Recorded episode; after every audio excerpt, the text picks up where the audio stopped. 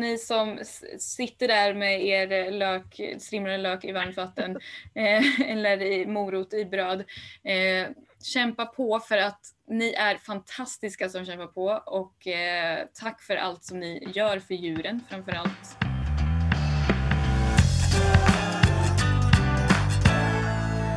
Ja, det har blivit dags att prata om vegomat i skolan. Och det här är en fråga som skapar brinnande engagemang och kontroversiella rubriker i media, inte minst.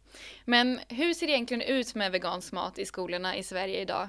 Vad serveras det för mat? Går det ens att få vegansk mat i skolan? Är det till och med kanske farligt för barn att äta veganskt? För att dyka ner i de här frågorna så ska vi prata med Cecilia Mille, min kollega och sakkunnig i hållbarhetsfrågor på Djurens Rätt. Och vi ska också prata med dietisten Karin Fritz som jobbar på Livsmedelsverket. Dessutom tar vi senare ett snack med medieprofilen, ensamstående mamman och veganen Sanna Bråding som ska berätta för oss om hennes kamp för att få vegansk mat till hennes barn i förskolan.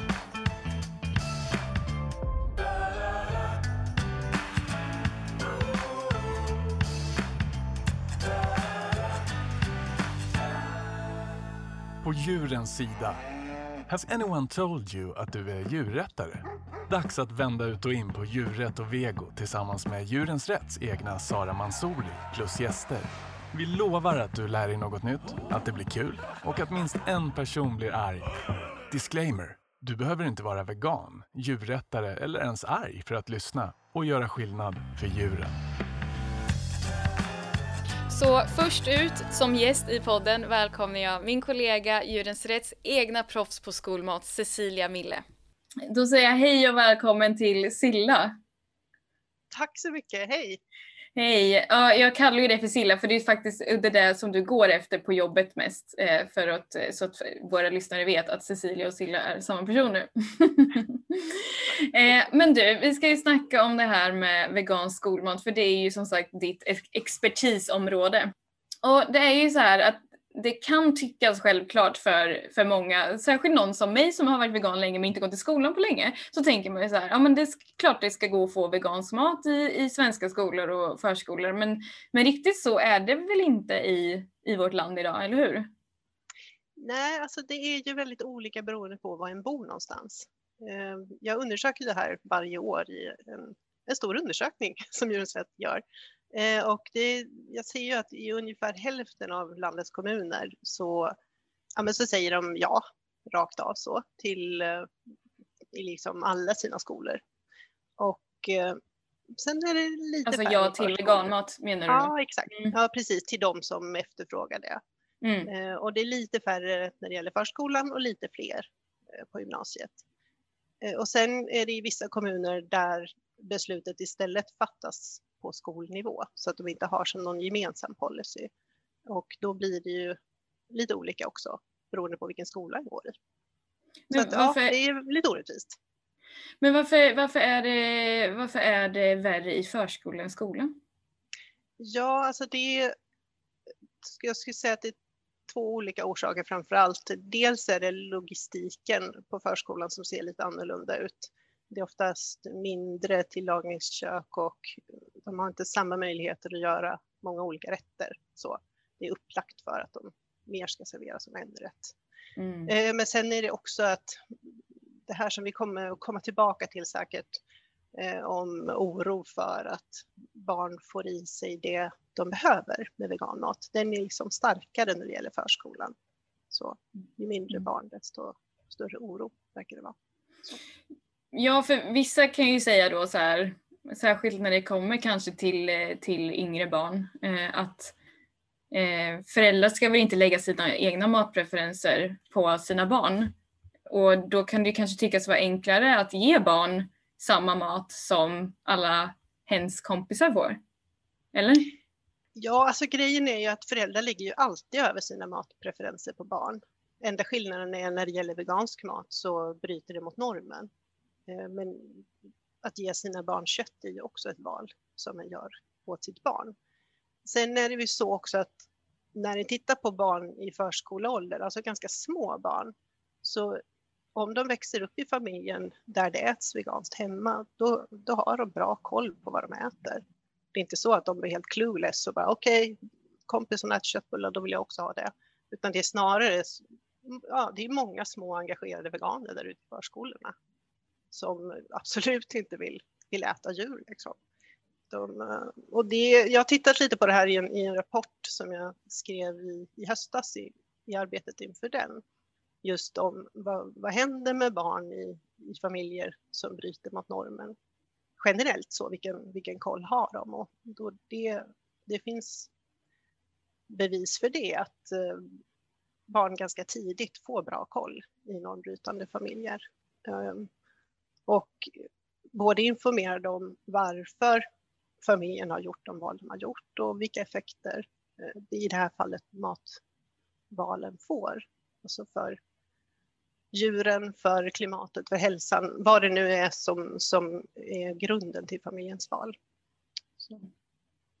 Ja, jag läste, alltså på tal om det så läste jag en eh, intervju med Yoga Girl, det är ju en jättestor eh, influencer eh, som är vegan eh, tillsammans med hennes man och de har en tvåårig dotter som också är vegan.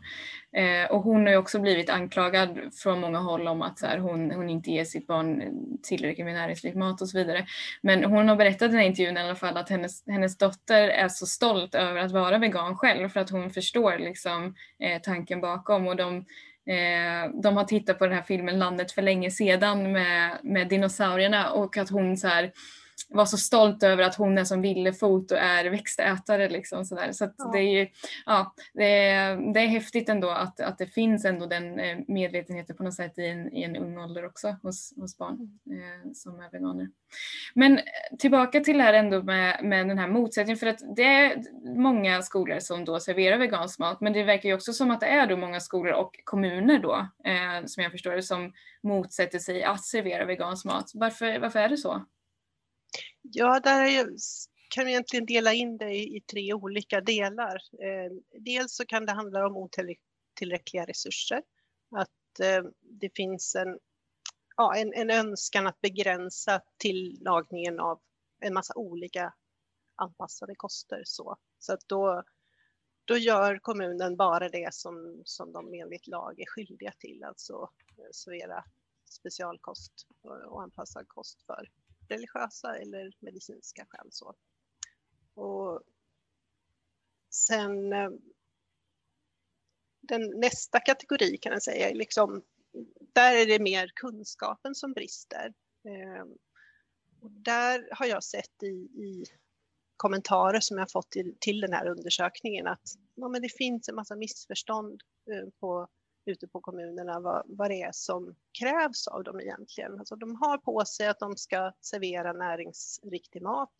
Men vad betyder det i praktiken så? Och när det gäller veganskt så finns det ganska många som fortfarande tror att då behöver kommunen gå och dela ut kosttillskott. Så. Mm. Men så är det ju inte, utan där rekommenderar Livsmedelsverket att istället ha en dialog med föräldrar och bara tydliggöra att nej, men det är ert ansvar att se till att barnet då får i sig B12 framför allt. Och sen är det färdigt. Liksom. Så mm. det handlar absolut inte om att det finns något sådant krav att barn till varje måltid ska få i sig 100% av alla näringsämnen. Eh, vilket barn får det liksom. Så ja, det, det blir lite tokigt eh, för att det finns ju också missförstånd kring vad som händer då. Eh, att tro att små veganbarn skulle få bättre näring av att nekas det de vill ha. Det blir ju inte så i praktiken utan lägger du animalier på deras tallrik så kommer de inte äta dem. De kommer ju äta tillbehören i, i de allra flesta fall. Så att näringsriktigheten blir ju sämre när de nekas i väldigt många fall och det, ja, det ser vi ganska tydligt att de barnen och också då i lite, lite högre upp i åldern, då väljer de ju bort skolmaten helt istället. När de inte forming av mat. Sen finns det den tredje kategorin, det är de som där inte det finns någon efterfrågan helt enkelt. De har aldrig, det här har aldrig kommit upp i kommunen. Eh, och det är ju framförallt de, de allra minsta kommunerna där det kan vara så att frågan har inte ställts så de har inte behövt ta ställning. Så, men de är ganska få. Okej, men du, du nämnde då det här med att, eh, eh med mer, att många skolor kan skylla på att det blir mer jobb för personalen kanske eh, och kommunen kanske skyller på det också om de ska fixa vegansk mat också. Men vad, vad, vad säger du om, om just det argumentet för att inte servera? Ja, alltså det bottnar ju ganska ofta i uppfattningen att de behöver laga en helt separat rätt eh, bara till de här som har efterfrågat veganmat. Och, och med lite planering så behöver det förstås inte vara så, utan i, i ganska stor utsträckning går det att göra samma och eh, ändra lite grann. Det blir inte så supermycket mer jobb. Ehm, och det går till och med att vända på det, att, att se till att det växtbaserade utgör en större del, alltså grunden i menyn och så går det att variera tillbehören istället. Och med det så går det till och med att spara på arbetet för de som, som jobbar i köken. Alltså att genom att laga mer växtbaserat i en större andel av menyn så slipper du också en massa allergener som annars ställer till det för dem. Eh, alltså det blir ingen fisk, det blir inga mjölk, inga ägg, så väldigt vanliga allergener. Så att eh, det behöver inte alls vara mer arbete utan det, det kan bli det, men med rätt planering så kan det bli tvärtom. Och det finns en massa hjälp att få där. Eh, en jättebra kokbok, vi kanske ska göra lite reklam för den. Ja, ja, kör på! det är Magnus Ness som eh, prisbelönt eh, kock som har skrivit en jättebra kokbok som heter Vegolyftet som vänder sig just till storkök som jag verkligen rekommenderar. Det är bara, bara följa den så är, är, är de hemma så att säga. Och sen finns det ju flera nu onlinebaserade kurser som också är anpassade för storkök. Som eh, Eh, jävligt gott Gustav eh, driver. Så till exempel, det finns andra också, men det är bara två, två tips om det är någon så som behöver lite vägledning. Så. Ja men precis, för det är det som du, som du nämnde också, så att mycket handlar ju då om okunskap förstås. Eh, och det är inte så konstigt för vi lever i ett samhälle där det är köttätande som är norm fortfarande. Eh, så det är jättebra att det finns de här resurserna att, att tillgå då. Men fortfarande då, än idag, som, som du, liksom, vi har varit inne på nu, så är det många skolor som eh, inte serverar vegankost av olika anledningar då. Eh, och vi har du har varit inne lite på vad som händer när eh, elever nekas vegankost och vi ska komma in mer på det för att vi har fått en, in en hel del skräckexempel vill jag ändå kalla dem från elever, eh, antingen nuvarande elever eller eh, tidigare elever som, som har berättat om sin vegankostupplevelser i sina skolor för vi slängde ut frågan på Instagram eh, vad, vad deras värsta erfarenheter från skol, skolmaten var. Och det var alltså jag måste säga det, det var läskigt många som sa att de inte hade någon vegankost alls i skolan eh, eller att de måste ha föräldrars godkännande. Eh, veganalternativen har glömts bort. Eh, man har kanske ibland fått kött istället för eh, vägg. Och, eh, ja, eller sen när det, väl, när det väl serveras någonting så kanske det varit någon torr falafel utan sås och, eh, eller bara massa stekta grönsaker, alltså inga proteiner. Väldigt näringsfattig kost liksom, verkar det vara eh, på, på, många platser. Och det var en som sa till exempel att när det var fisk i skolan så vägrade de servera något vegetariskt för att fisk är inte kött. Eh, så man blir lite så här, man blir lite så här eh, det är tråkigt att höra, men några konkreta exempel också som vi fick, och det här är helt, alltså det här är helt sjuka grejer tycker jag. Det var en, en som har skrivit att de fick stuvade tomater varje dag. Eh, och jag, jag tycker spontant så om man får stuvade tomater då kan man väl göra kanske stuvade makaroner eller något sånt ibland också. Men eh, that's just me. Då finns i alla fall någonting man tänker att man har gjort den här stuvningen på liksom. Eh, och sen så har vi också eh, Selma som skrev att eh, hon fick en skiva bröd med tomatsås på och det här var när de andra fick pizza.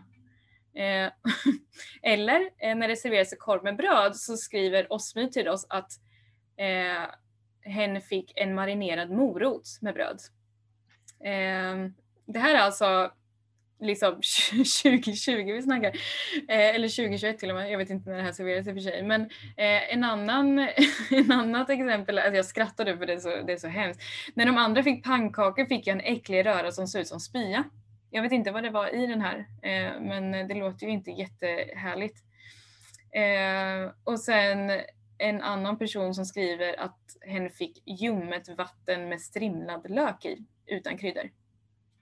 Jag vet inte vad som serveras till de andra men det låter ju fruktansvärt. Alltså det vill man ju inte ens få i sig även om det blir serverat känns det som. Eh, eller den här då. Eh, fyra torsdagar i rad så var det tomatsoppa som bara smakade som uppvärmda konserverade tomater. Eh, eller den, en av mina favoriter är ju den här. Ris med burkmajs serverades en dag.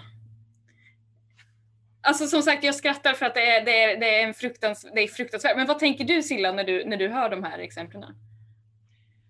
Ja, jag hoppas ju verkligen att det här är undantag. Att det inte ser ut så här på, på många skolor. Eh, det, ja, det är inte något av det här som jag skulle vilja äta. Nej precis, alltså eh, inte, inte jag heller och det är ju inte jättebra reklam för veganmat i sig. Det är inte fler som blir veganer när de ser att ens vegankompis blir serverad det här liksom. Men vad händer med de här barnen som har hört av sig till oss och till och med kanske nekas veganmat i, i skola och förskola? Ja, jag skulle bara vilja kommentera kort en, en grej som, som du nämnde här i, i förbifarten där att Eh, att det kan krävas intyg från föräldrarna eller godkännande. Ehm, och det tänker jag, det är inte helt tokigt. Jag tycker att det är faktiskt ganska bra, för det, det gör ju också att det kan finnas en dialog mellan föräldrarna och skolan om det här. Och eh, det tror jag också kan öka chansen att ja, men skolan känner sig liksom trygg då att de uppfyller sin, sin del när det gäller krav på näringsriktighet, att föräldrarna är informerade. Så där tycker Sam jag att det kan finnas en poäng. samtidigt, ja, och det förstår jag, samtidigt så kan det vara ett problematiskt om föräldrarna inte vill att barnet ska få vegankost och barnet vill det själv kanske. Det kanske beror jo. på vilken ålder vi pratar också. Ja, för det här måste ju gälla minderåriga tänker jag. Eh, mm. Är det ett barn som, eller en, en individ som går på gymnasiet och har fyllt 18 så behövs det inte någon föräldragodkännande. Utan Precis. de är ju minderåriga och då är det ju föräldrarna som Sen är det klart att det, det, är en helt annan fråga. Det är tufft för barn som inte får vara veganer för sina föräldrar, men det är inte mm. riktigt dagens tema tänker jag. Nej. Mm. Men i det här fallet tänker jag att det finns en poäng. Mm. Men sen när det gäller de här som nekas, jag var inne lite på det innan, men där finns det ju den här föreställningen att, att de skulle få bättre mat på något vis, om de, alltså mer näringsriktig mat om de nekas. Och det, det är ju inte så, det ser ju vi. Alltså de här som berättar om vad de har fått det är alltså individer som de kämpar på, de äter det här. De, de käkar ris och majs och tycker inte om det, men hellre det än, än animalierna. Så det, det är dels det, alltså att, att nekas, det, då går näringsriktigheten eh, ner för att du serveras någonting som, som du inte tycker är mat. Liksom. Eh, så är det för många veganer. Det är kött eller andra animalier, det är inte, det är inte mat så. Klart jag inte äter det. Så det är den ena delen, men sen finns det också en psykologisk effekt eh, som är minst lika viktig, skulle jag säga. Alltså att barn som, som har tagit det här steget eller lever i familjer där det här är en självklarhet att äta veganskt eh, mår ju inte bra av att nekas att få den maten. Alltså att om de då eh, tvingas att äta det här eller, eller inte har möjlighet att välja bort det så kan det leda till ganska svåra skuldkänslor. Och det kan också leda till en, en svår frustration att, att inte kunna påverka. För att barn har ganska liten möjlighet att påverka. Det är mycket som bestäms åt dem. Eh, men när det gäller just maten så finns det kanske en möjlighet för dem att göra ett val som, som spelar stor roll för andra individer, alltså för djurindivider och också för, för miljön. Och eh, det, är ett, det är ett engagemang som vuxenvärlden bör ta på allvar och, och lyssna på. Och där kan det också göra att de här barnens tilltro till de vuxna eh, får en, rätt rejäl törn. Alltså till, mm. till skolan och till, till de vuxna som ska hjälpa dem och leda dem som i, i livet. Och, och så får de inte det här som, som är viktigt för dem. Så. Ja, fast jag, jag tänker det måste vara fruktansvärt att, att liksom, gå i skolan är ju, är ju jobbigt. Alltså du, du, du ska liksom sitta där och lära dig saker och, eh, och inte få liksom varken kanske till och med inte någon mat eller bara mm. näringsfattig mat. Alltså det på, måste ju påverka skolgången eh, oerhört mycket, tänker jag. Ja, det gör det ju också förstås. Ja. ja. Um, och det är, ju, det är ju fruktansvärt det i sig och jag, jag tycker att det är eh, som sagt det är jättehemskt att höra om de här skräckexemplen och, um, och att, att det, den, om den här näringsfattiga maten också och att så här, folk, många, många har skrivit att de känner sig ensamma i det här liksom. Att de kanske är den enda i sitt, i sitt kompisgäng som är veganer. Eh, och det är klart att man är redan kanske ganska ensam som vegan även fast man kanske får riktig mat. Eh, och mm. sen då att behöva sitta där och försvara veganism med ett ljummet vatten med strimlad lök i. Alltså det blir liksom ja. Eh, ja, hela, hela den grejen måste ju också vara fruktansvärt jobbig kan jag bara tänka mig som, som aldrig har behövt uppleva det här själv. Liksom. Ja, det kan ju inte vara så att de, att de med den maten kan locka över någon av sina kompisar. Eh, så. Nej, precis. Kolla vad gott veganmat är. Här har du morot i ditt korvbröd. Det är nice. Nej. Jag blir så förvånad för att det är liksom så här, ja, men den här, särskilt den här moroten, men den så här, sojakorv finns överallt idag. Alltså det är inte så svårt att få tag på. Eh, men ja, det är ju så det ser ut tyvärr på många platser. Eh, men vi ska, vi ska senare under den här podden så det finns en hel del bra exempel också får vi inte glömma. Så det, så det finns hopp och vi ska komma in på dem senare. Men ändå en annan sak är ju att en anledning som, som just används då till att inte servera vegans eller att det blir sådana här skräckexempel som vi precis har tagit upp är ju att det är, det är dyrt med växtbaserat. Stämmer det och i så fall, går det att komma runt det? Just det. Ja, alltså det stämmer ju om en använder en hög andel färdigprodukter, alltså olika biffar och korvar och så. Eh, men om köket däremot lagar maten lite mer från grunden, då är det växtbaserade istället väldigt mycket billigare än det animaliska. Så det beror lite på balansen däremellan. Den dagen det är korv med bröd, ja då kanske de kan satsa på att köpa in en riktig korv. Så. Men sen eh, i andra fall några dagar i veckan så går det att laga mer mat eh, från grunden och få ner priset rejält.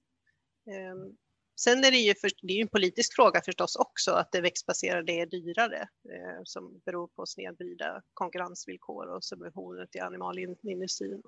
Det är ju frågor som Djurens Rätt jobbar med på, på andra sätt för att förändra. Men fortfarande idag är det så här och då är ju tipset till skolorna att istället laga lite mer mat själva. Då blir det billigt.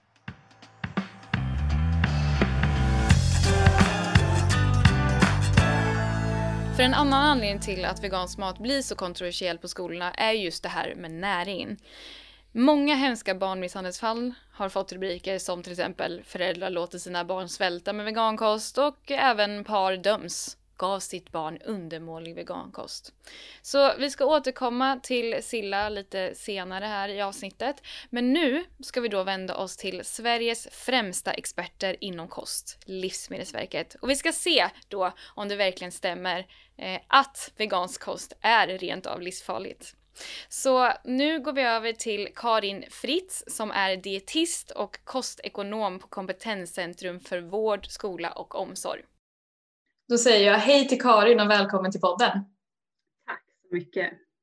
Det är så bra att du vill vara med och svara på ett gäng frågor för särskilt som dietist så är liksom din erfarenhet och din expertis ju superviktig kring vegansk mat och barn. Så, men som jag nämnde här innan, det här med att media har gett rubriker som veganföräldrar sväljer sina barn som ju ger vegansk kost ganska dåligt rykte, i alla fall till barn då. Vad, vad säger Livsmedelsverket om, om det här? Ja, vi säger ju att äta mer från växtriket och växtbaserat är precis rätt väg att gå. Vi behöver allihopa äta mer frukt och grönt. Det är jätte, jätteviktigt. Men eh, vad är, vad är det liksom då som... Varför får, kommer de här rubrikerna? Är det på något sätt farligt med att ge vegansk kost till barn?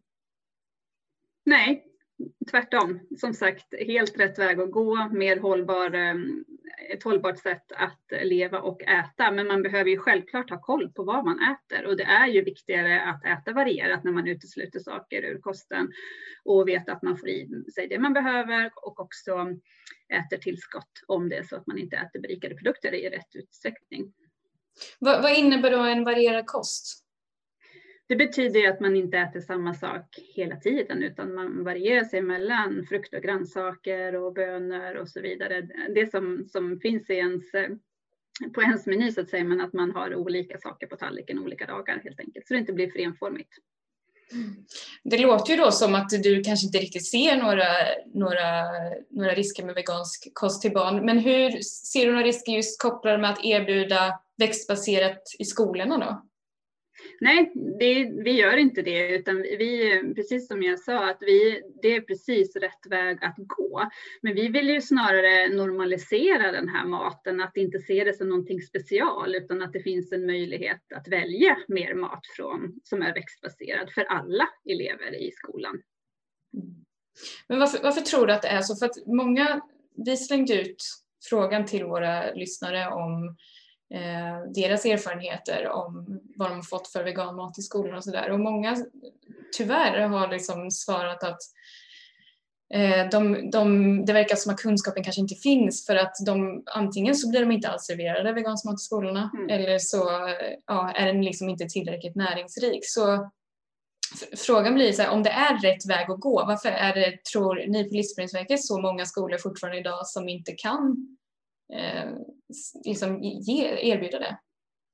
Ja, alltså förändringar tar ju tid, det vet vi allihopa och också det är definitivt en generationsfråga också utifrån och det är ju väldigt personligt vilka personer som jobbar i köken på olika skolor och olika kök, vad man har för intresse och kunskap och driv till att prova nya saker helt enkelt. Så det, det går inte att generalisera här, det ser ju väldigt, väldigt olika ut på olika ställen. Vissa har kommit långt Vissa fixar det här jättebra medan vissa är mer avvaktande och också aktar sig för, för att göra det här på grund av förmodligen okunskap och eh, ingen inspiration eller vad man ska säga. Så det är ju många olika anledningar. Mm. Men eh, det är ju ändå stor skillnad på att ha liksom kanske vegansk mat på förskola och i gymnasiet kan man väl ändå säga. Men, eller finns det liksom någon skillnad mellan att servera veganskt till småbarn till exempel på förskolan och till ungdomar som går i tvåan på gymnasiet? Nej, vi, vi, säger ju att det är okej okej att göra det till alla oavsett ålder. Men skillnaden för de mindre barnen är ju att de har ju mindre magar och det är viktigt att de får i sig den energin de behöver. De orkar ju inte äta lika stora mängder mat så att där behöver du ju tänka på ett annorlunda sätt kring sammansättningen av maten också. Mm. Så, att de, så att de växer som de ska. Men man följer ju barnen inom BVC och så där och, och fångar upp om det skulle vara någonting där också. Så, så alla kan äta växtbaserad mat. Ja men det låter ju fantastiskt, så skönt att höra att det är så. Men eh, vilka fördelar finns det med, förutom att det är rätt väg att gå eh, enligt er, då, vilka fördelar finns det med att servera mer växtbaserat på skolorna? Ja, alltså det är ju vägen mot den hållbara konsumtionen så att säga. Det är både hälsomässiga fördelar och fördelar för planeten. Um, och det är ju mycket fibrer i de här i frukt och grönt och bra fetter i, nötter och så vidare. Så det, det, är som sagt både hälsofördelar och miljöfördelar mm. med, den här, med att äta växtbaserat. Och om en skola skulle vilja eh, införa liksom mer veganskt eller börja erbjuda vegansk mat, finns det något särskilt som de behöver tänka på tycker du? Mm. Nej, det, det, den behöver ju vara genomtänkt och planerad, men det måste jag tillägga, det måste ju all mat vara. Det står ju i skollagen att maten ska vara näringsriktig. Det är ju det som är reglerat i skollagen. Den ska vara kostnadsfri och den ska vara näringsriktig. Det spelar ingen roll om den Eh, innehåller kött eller inte så att säga. Så det, det gäller ju alla och eh, så det är ju jätteviktigt att det behöver vara näringsriktigt. Men så måste vi komma ihåg att det är ju inte bara lunchen ger ju inte hela ditt intag av vitaminer och mineraler eller näring, utan du har ju andra måltider också under dagen. Så att vi kan ju inte förvänta oss att, och skolan ska inte det heller, ge oss allt. Men ibland kan det låta lite grann så när man pratar om det här också. Men det ska ge det en lunch ska ge helt enkelt. Så det är det man behöver tänka på. Men sen så, det är klart, alltså det här är ju nytt för många och som inte är vana, så att man behöver ha respekt för att det får ta tid och att man inte gör det för snabbt, utan gör liksom små förändringar och, och normalisera, som jag sa tidigare, liksom att, att, det ska vara mera vardag, att man kan välja på alternativ som är växtbaserade. Så att, och det är jätteviktigt att vi vänjer oss, eller vänjer barnen vid de här smakerna, för vi behöver äta mer av växtbaserad mat. Precis, och, och, som du säger, skolan serverar visserligen bara lunch, men det är också en väldigt viktig mm. måltid för att Absolut. det är ju liksom att när, när, man ska koncentrera sig på, på att plugga mm. och liksom sådana saker. Men säg att man då är en av de här många personerna som har hört av sig till oss och säger att jag får inte det här serverat till mig. Vad är liksom mm. extra viktigt för, för dem att tänka på om man, eh, rent näringsmässigt? Till exempel finns det någonting man kan göra själv under tiden innan vi har kommit så pass långt att deras skolor Eh, kan ordna den här veganska kosten åt dem. Mm. Nej, det, jag förstår att det kan vara jättefrustrerande. Det handlar ju om att fortsätta ha en dialog och visa på att det finns goda exempel. För att det är ju så här att om, om, man, om man vill äta växtbaserat men inte får det och då blir kanske alternativet att man äter pasta med ketchup eller bara potatis. Och vad är det för alternativ? Hur näringsriktigt är det för det här barnet? Så det är ju en viktig dialog att föra och att liksom verkligen inspirera och säga att det går att göra den här maten god, för det måste den ju definitivt också vara. Det, det är inte bara att slänga upp vilken mat som helst, bara att göra den utan protein och animalier, eller förut inte utan protein utan animalier, utan det måste ju vara gjort med omtanke och välmening också. Ja precis, för det är ju vissa som blir serverade vegansk mat men sen så är den inte tillräckligt näringsrik heller. Nej. Och det är klart att det kan ju skrämma bort andra från att välja vegansk kost då. Ja men precis. Tänker mm. jag också, tyvärr. Mm. Men eh, det verkar ändå så som att det är en positiv sak. Så tror du att vi kommer att få se mer växtbaserat inom offentliga måltider i, fram, fram, i framtiden? Finns det hopp? Ja, alltså det, är en, det är en självklarhet. Det finns inget tvivel om någonting annat. Det är precis dit vi måste gå och vi är på väg. Men många har kommit olika långt helt enkelt. Mm. Ja, men eh, tack så jättemycket Karin för att du var med och tack för din eh, input på det här ämnet. Det var väldigt intressant att få höra eh, ditt perspektiv också. Själva.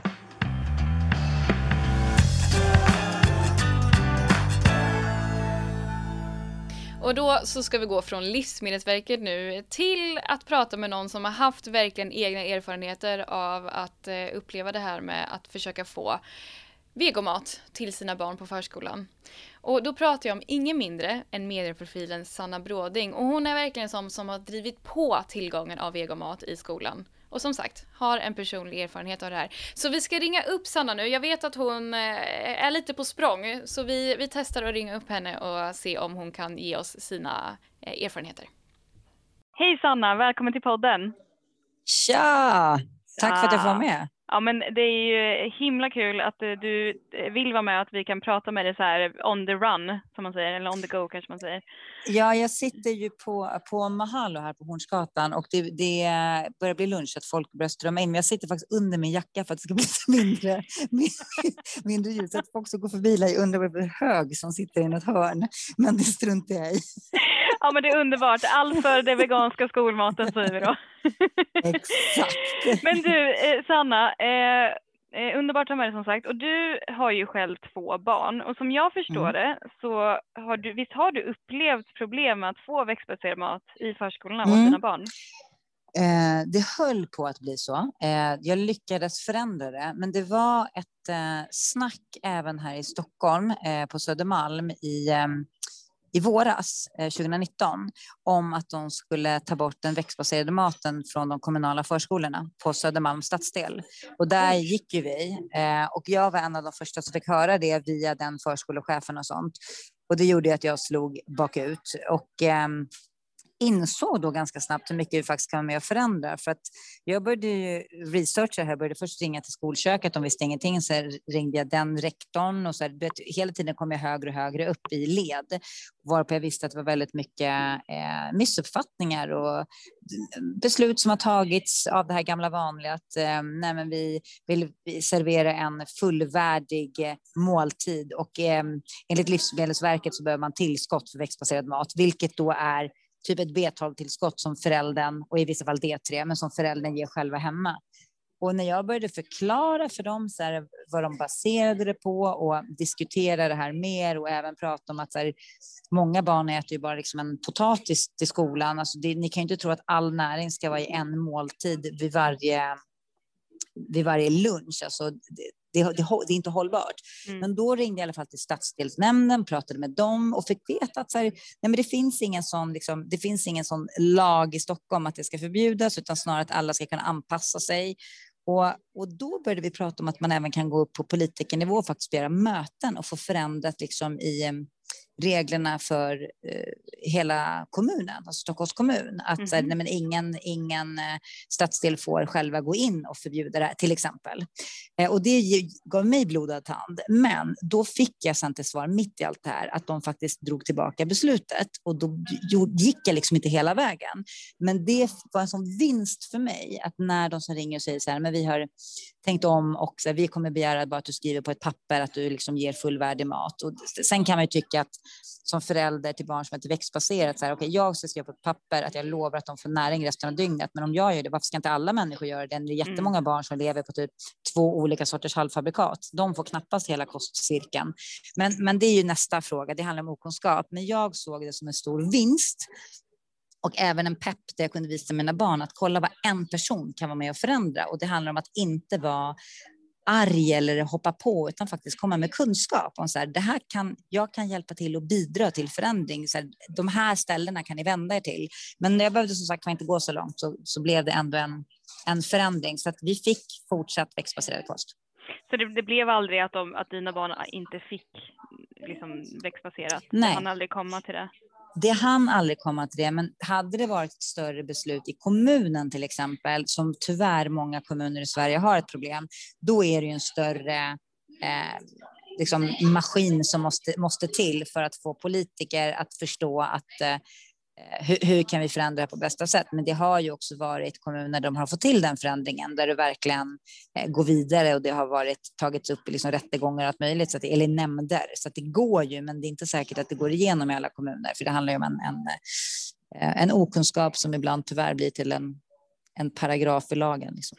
Men hann du fundera något på, för du måste ju ändå eh, ha föreställt dig mardrömsscenariot att, så att dina barn inte mm. skulle få växtbaserat längre på sin förskola. Va, va, vad tänkte du någon gång i de tankarna hur du skulle hantera det i så fall?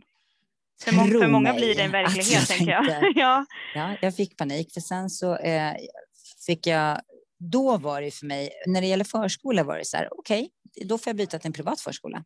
Där de har det som säljargument att de serverar växtbaserad mat för att de vill få in mer barn. Det var ju min liksom, eh, jag, så här, jag kan inte visa mina barn att jag eh, viker mig för att nu blev det lite jobbigt och då är det okej okay att eh, påverka miljön på det sättet och döda djur för att nu blev det jobbigt för mig. Det kan jag inte visa dem. Jag vill ju föregå med gott exempel och visa att det här, det här är på ett på ett större plan för mig.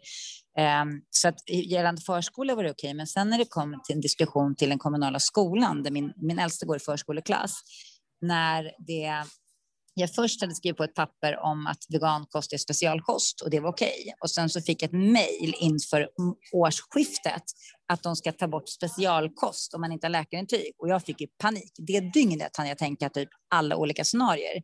Men sen visade det sig att just den skolan sa att istället räknade de bort, de föregår med gott exempel och sa att vi har valt att ta bort vegankost som specialkost och vi tycker att alla bör gå mer åt det hållet. Så det var en vinst i sig. Men det kryphålet jag hittade då när jag höll på att googla på nätet och läsa alla liksom regler som finns, det var att inom läkarintyg så räknas även psykologintyg. Mm. Och det, då insåg jag att jag skulle definitivt kunna hävda att och få fram det, att mitt barn är så medvetet att han skulle må psykiskt dåligt av att veta att han bidrar till att döda djur, till exempel. Och det är många barn som mår så dåligt. Och då skulle du kunna få ett intyg på att så här, det här barnet mår inte bra av att den behöver äta på det här sättet igen. Eller till exempel så här, han har inte ätit annat sedan födseln. Hans kropp kommer inte må bra av det. Alltså, det finns ju massa olika vägar att gå. Men det var en så här, ett kryphål som jag inte har tänkt på innan. För jag får jättemycket mejl från föräldrar som har barn som i tre, fyra års åldern vägrar äta kött för de förstår hur det liksom bidrar till lidande. Mm. Och det är föräldrar som vill möta dem. Ett sånt barn kan ju definitivt få ett psykologintyg på att så här, eh, det, det, blir för stor liksom, inkongruens i det här barnet. Alltså det krockar i det här barnet av att den, den måste göra någonting som den mår för, för psykiskt dåligt av. Så det är ett kryphål som jag hittar som jag gärna tipsar vidare om, som faktiskt funkar. Som stod när jag gick in och läste vad liksom kriterierna är för att få ett läkarbetyg för en annan kost. Har du några andra sådana tips till föräldrar eller vårdnadshavare som inte liksom lyckas få skolorna eller förskolorna att servera växtbaserat? Mitt, mitt tips är att själv vara påläst, att ha en ihärdighet eh, och ta upp det större och sen så fråga om skolan, eh, försöka få till en utbildning för skolpersonalen. För det finns ju bland annat eh, Gustav Johansson och Magnus Näs har ju haft, haft eh, utbildningar för storkök Magnus Näs är en fantastiskt kunnig kock liksom, av globala gymnasiet, sånt som verkligen kan storkök. Och när jag har pratat med honom har han berättat att de gånger han har kommit till skolor är det väldigt sällan att det ligger i skolpersonalen, utan det är från ledningen att de inte får servera växtbaserat till exempel. Och när han har utbildat kockarna så har det bara varit positivt. Han har förklarat hur mycket mindre eh, bakterier det blir i köket och hur mycket de kan spara ekonomiskt genom att laga liksom, eh, ja, stora linsgrytor och allt möjligt som också är fullvärdigt och det här. Eh, så att han sa att det har ändrat synen för väldigt många. Det handlar om kunskap. Så får du till liksom en, en, en sån del, alltså, okay, men kan vi bidra med kunskap? Skulle ni vara öppna för att lyssna på en, en, en kunnig inom det här? Liksom? Eh, då kan man ju vinna det på det sättet. Men, men annars, ge dig inte. Gå upp på politikernivå, starta namninsamlingar, visa att det är, det är hitåt vi måste gå. Alla vet det, att vi måste, för, om inte liksom är för lidande så för miljön, gå åt ett mer växtbaserat håll. Det, det borde de flesta ha liksom förstått för det här laget. Att bara försöka få in det tänket att det blir väldigt bakåtsträvande att förbjuda en kost som vi snarare bör gå mot. Och, och även komma med alternativet, okej, okay, men alla som äter lakto och vegetariskt, kan vi inte bara göra allt glutenfritt och veganskt. Så, att, så kan alla som har de allergierna som är en väldigt stor del äta det, för det handlar väldigt mycket om kostnad för en skola. Har jag förstått att det är så här, vi gör så mycket olika rätter och folk, mm. det är liksom ägg, ägg och mjölkproteinallergi är de största allergierna bland barn alla de skulle kunna äta vegankosten då, till exempel, då skulle man minimera massa specialkost. Eh, och det, det, det här även liksom av religiösa skäl. Det är inget fläsk och det, är inte, det finns så mycket olika tänk man skulle kunna gå in på och göra det lättare, men det, det sitter i det är liksom gamla vanor som vi, vi, och som definitivt inte går att möta genom att vara aggressiv och hoppa på, utan snarare komma med kunskap och eh, eh inspiration. Och du, och du är lite inne på det här nu, men om, om du avslutningsvis skulle säga då till, till sådana här skolor som ändå säger bara nej men vi behöver inte lära oss mer om vegankost eh, för att vi behöver inte det här. Vad skulle du säga då, de tre allra starkaste argumenten från Sanna Bråding, varför ska man servera veganskt i skolorna? För det första för att det är eh, ett sätt att visa att Sverige ligger i framkant, alltså att lära andra länder eh, att vi tar eh, hållbarheten på allvar. För det andra, att, att lära upp en helt ny generation som kanske får väldigt lite fibrer och eh, baljväxter och grönsaker hemma. Att faktiskt få i sig mer av den kosten då vi vet hälsomässigt att vi äter alldeles för lite fiber, och det är en stor bidragande orsak till, till eh, några av våra absolut största sjukdomar vi har i västvärlden. Så att, och då får de med sig det tänket i en framtida generation. Men sen också att för, för klimatet. Vi måste börja ta ansvar och genom att ta så stora beslut att skolor och alltså landsting och den typen av instanser serverar växtbaserad kost skulle göra skillnad. Och det, det, det, finns ingen annan väg vi kan gå. Vi vet även att det främjar hälsan och en vällagad växtbaserad kost främjar hälsan på många sätt. Vi behöver inte fler fler sjuka personer. Vi behöver hjälpa till även liksom hälsomässigt, men, men främst för att gå, framgå med gott exempel för en, en, en planet som ska hålla. Mm. Bam, där satt den. Mm. Ja, grymt Sanna. Eh, jättekul att få prata med dig och tack så jättemycket för att du var med och gav dina erfarenheter och tips.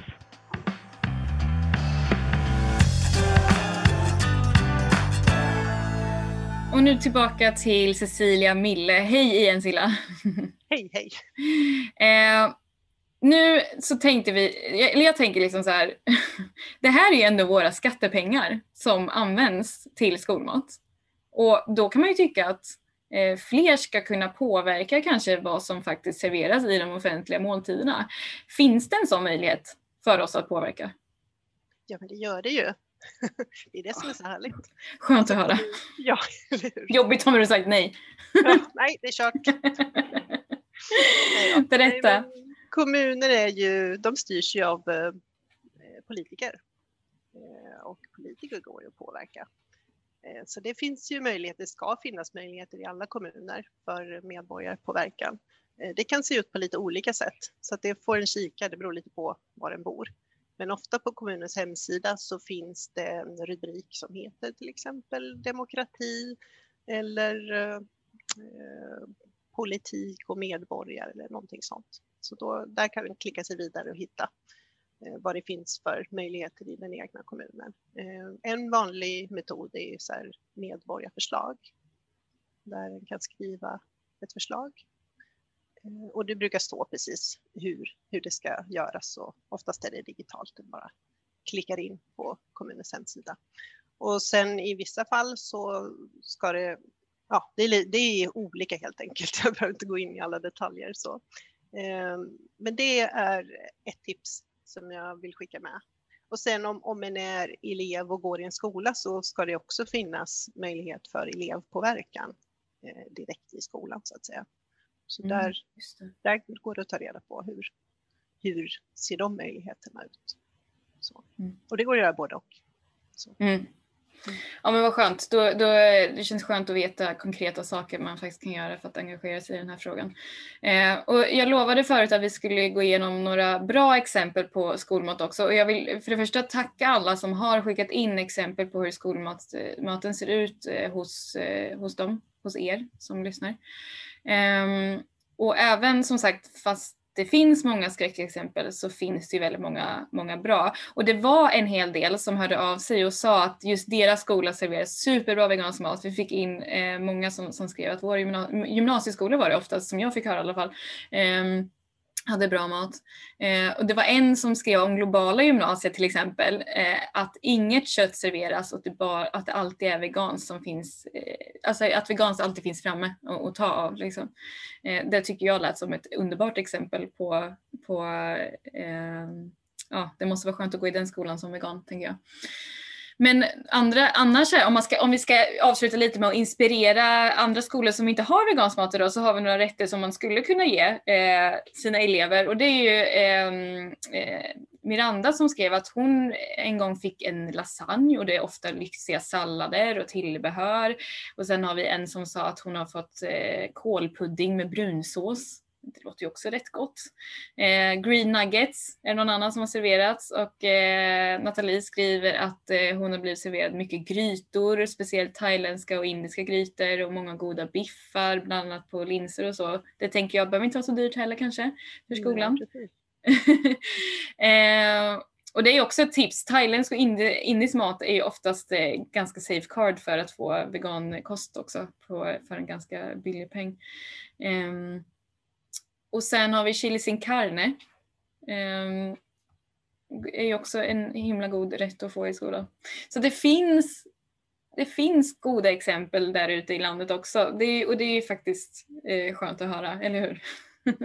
Ja men absolut. Och jag, jag tycker också att jag, jag får en massa positiv respons från kostchefen som, som jag har kontakt med när jag gör den här undersökningen varje år.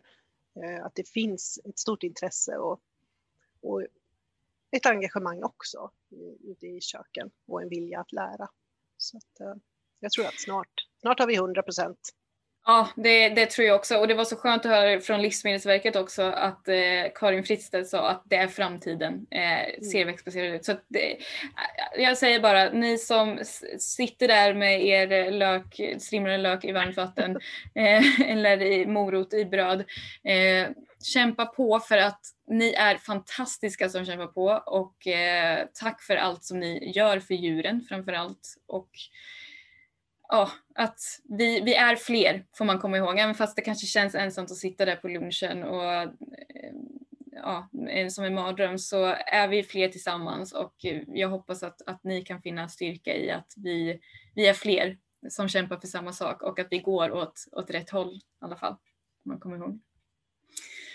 Eh, ja, men eh, tack så jättemycket eh, Silla för att du var med och eh, ingav med din expertis och vi fortsätter kämpa för vegansk skolmat då helt enkelt. Men det gör vi. Ja. Och tack och kämpa på där ute.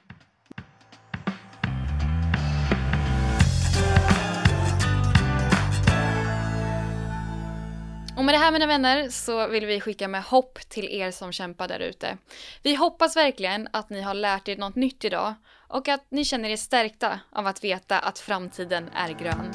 Tillsammans gör vi skillnad.